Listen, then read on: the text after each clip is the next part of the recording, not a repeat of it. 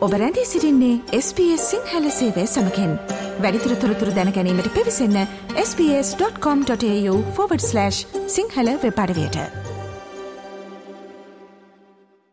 ඔබ SBS සිංහල කුවන් විදිලිය සමකෙන්. ඔස්ට්‍රලියාවේ සංක්‍රමණ කටයුතු පිළිබඳව ඒ වගේම වීසා සම්බන්ධ නවතම තොරතුරු SBS සිංහල ගුවන් ඉදිලිය ඔබට නිරන්තරින්ම ගෙන එනවා. ඉතින් අපි අදත් සූදානම් වන්නේ එවන් වූ විශේෂ සංශෝධන කිහිපයක් පිළිබඳව ඔබව දැනුවත් කරන්නට.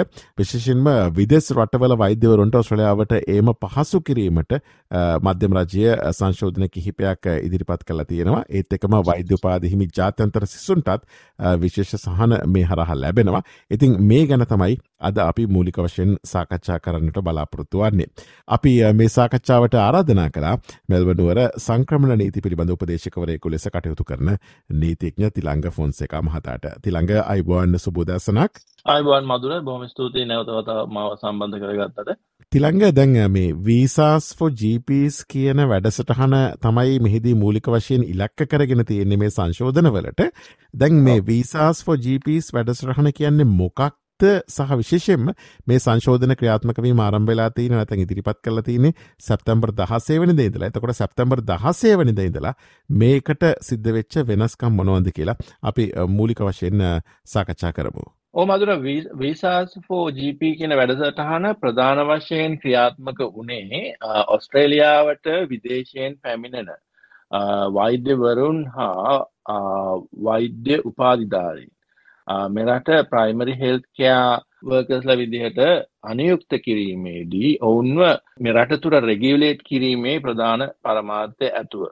එහින් ප්‍රධාන කාරයත්තම ඉන් සිදුවෙච්ච ප්‍රධාන කාරයක් තමයි එම ප්‍රයිමරි හෙල්ත් කෑවර්කස්ල විශේෂම වෛද්‍යවරුන්ව ඔස්ට්‍රේලියාව තුළ අවශ්‍ය ප්‍රදේශකරා යොමු කිරීම පාලනය කිරීම.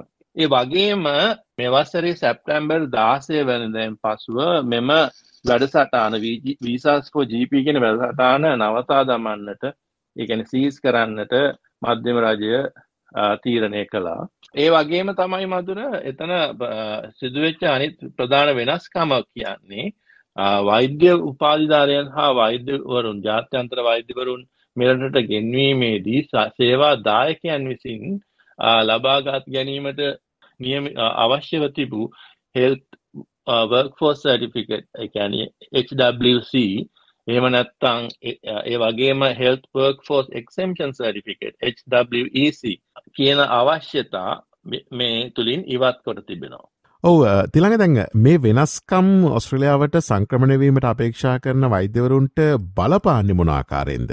ප්‍රධාන වශයෙන් මදුර දැන් ඔය අපි කලින් කතා කරපු වෙනස්කම ඒගැන health work workforce certificate uh, ඒ වගේම health workforce exemption certificate. ඒවා දායකයන් විසින් ලබා ගැනීමේදී නොයෙකුත් කාලය පිළිබඳ ප්‍රශ්න නොයෙකුත් ප්‍රායෝගික ප්‍රශ්න ඇති වෙලා එම ප්‍රොසෙස් එකට නොයෙකුත් බාධා පැමිණෙනවා කියන එක අපි කවුරුත් හොඳින් දන්න දෙයක්. දැ ප්‍රධාන වශයෙන්ම දැ මධ්‍යම රජය මෙම රික්වයමෙන්ට් එක ඉවත් කිරීමෙන් බලාපොරොත්තු වෙලා තියෙන්නේ මෙම ක්‍රියාවලිය එමනතම් ප්‍රොසෙස් එක තවදුරටත් සරල කිරීම සිම්පලිෆයි කිරීම. ද අපි කවුරුත් දන්නවා හෙල්බර්ක් ෆෝස් සටිෆිකට් එක අවශ්‍ය වුණා මැන්ඩටරි වුණා.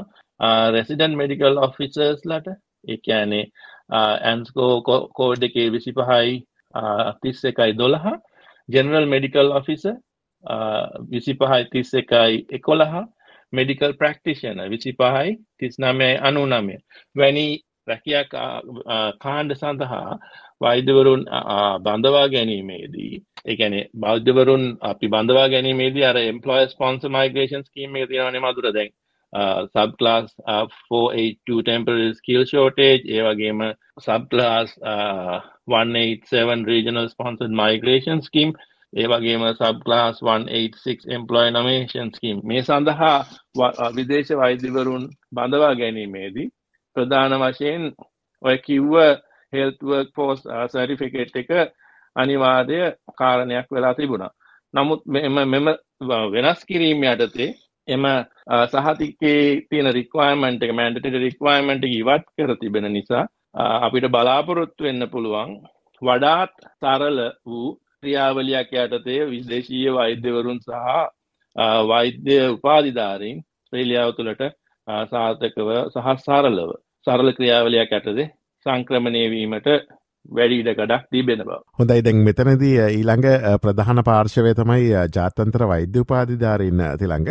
ජාතන්ත්‍ර වෛද්‍ය උපාධිධාරයෙන් සඳහා මේ සිද්ධ වෙච්ච වෙනස්කම් මොනවද? සහ ඒවා මොනාකාරයටද උන්ට බලපාන්නේ. ඒක මදුර මෙහෙමයි. ද ජාතන්ත්‍ර වෛද්‍ය උපාධිධාරීන් හෝ වේවා වෛද්‍යවරුන් වේවා ඔවුන් සියලු දෙනාටම දැන් මේකේ විශේෂ පහසුකමක් ලැබෙනවා කියලා මම දකින්නේ නැහැ. ඔවුන් සියලු දෙනාම ඔස්ට්‍රේලියාවේ වෛද්‍ය වෘතිය නියැලීමට බලාපොරොත්තු වෙනවා නම් ඔවුන් පෙර සිටම අර ඒ සඳහා වෛද්‍යවරයෙක් විදිහට සුදුසුකම් ලැබීමේ ක්‍රියාවලියක ගමන් කළ යුතු තිබුණනේ කියන අපි කියන්නේ එලිජිබිලිටි ක්‍රයිටීරියා එක යා යුතු තිබුණා. ඒ ක්‍රියාවලිය ඒ විදිහටම තියෙනවා.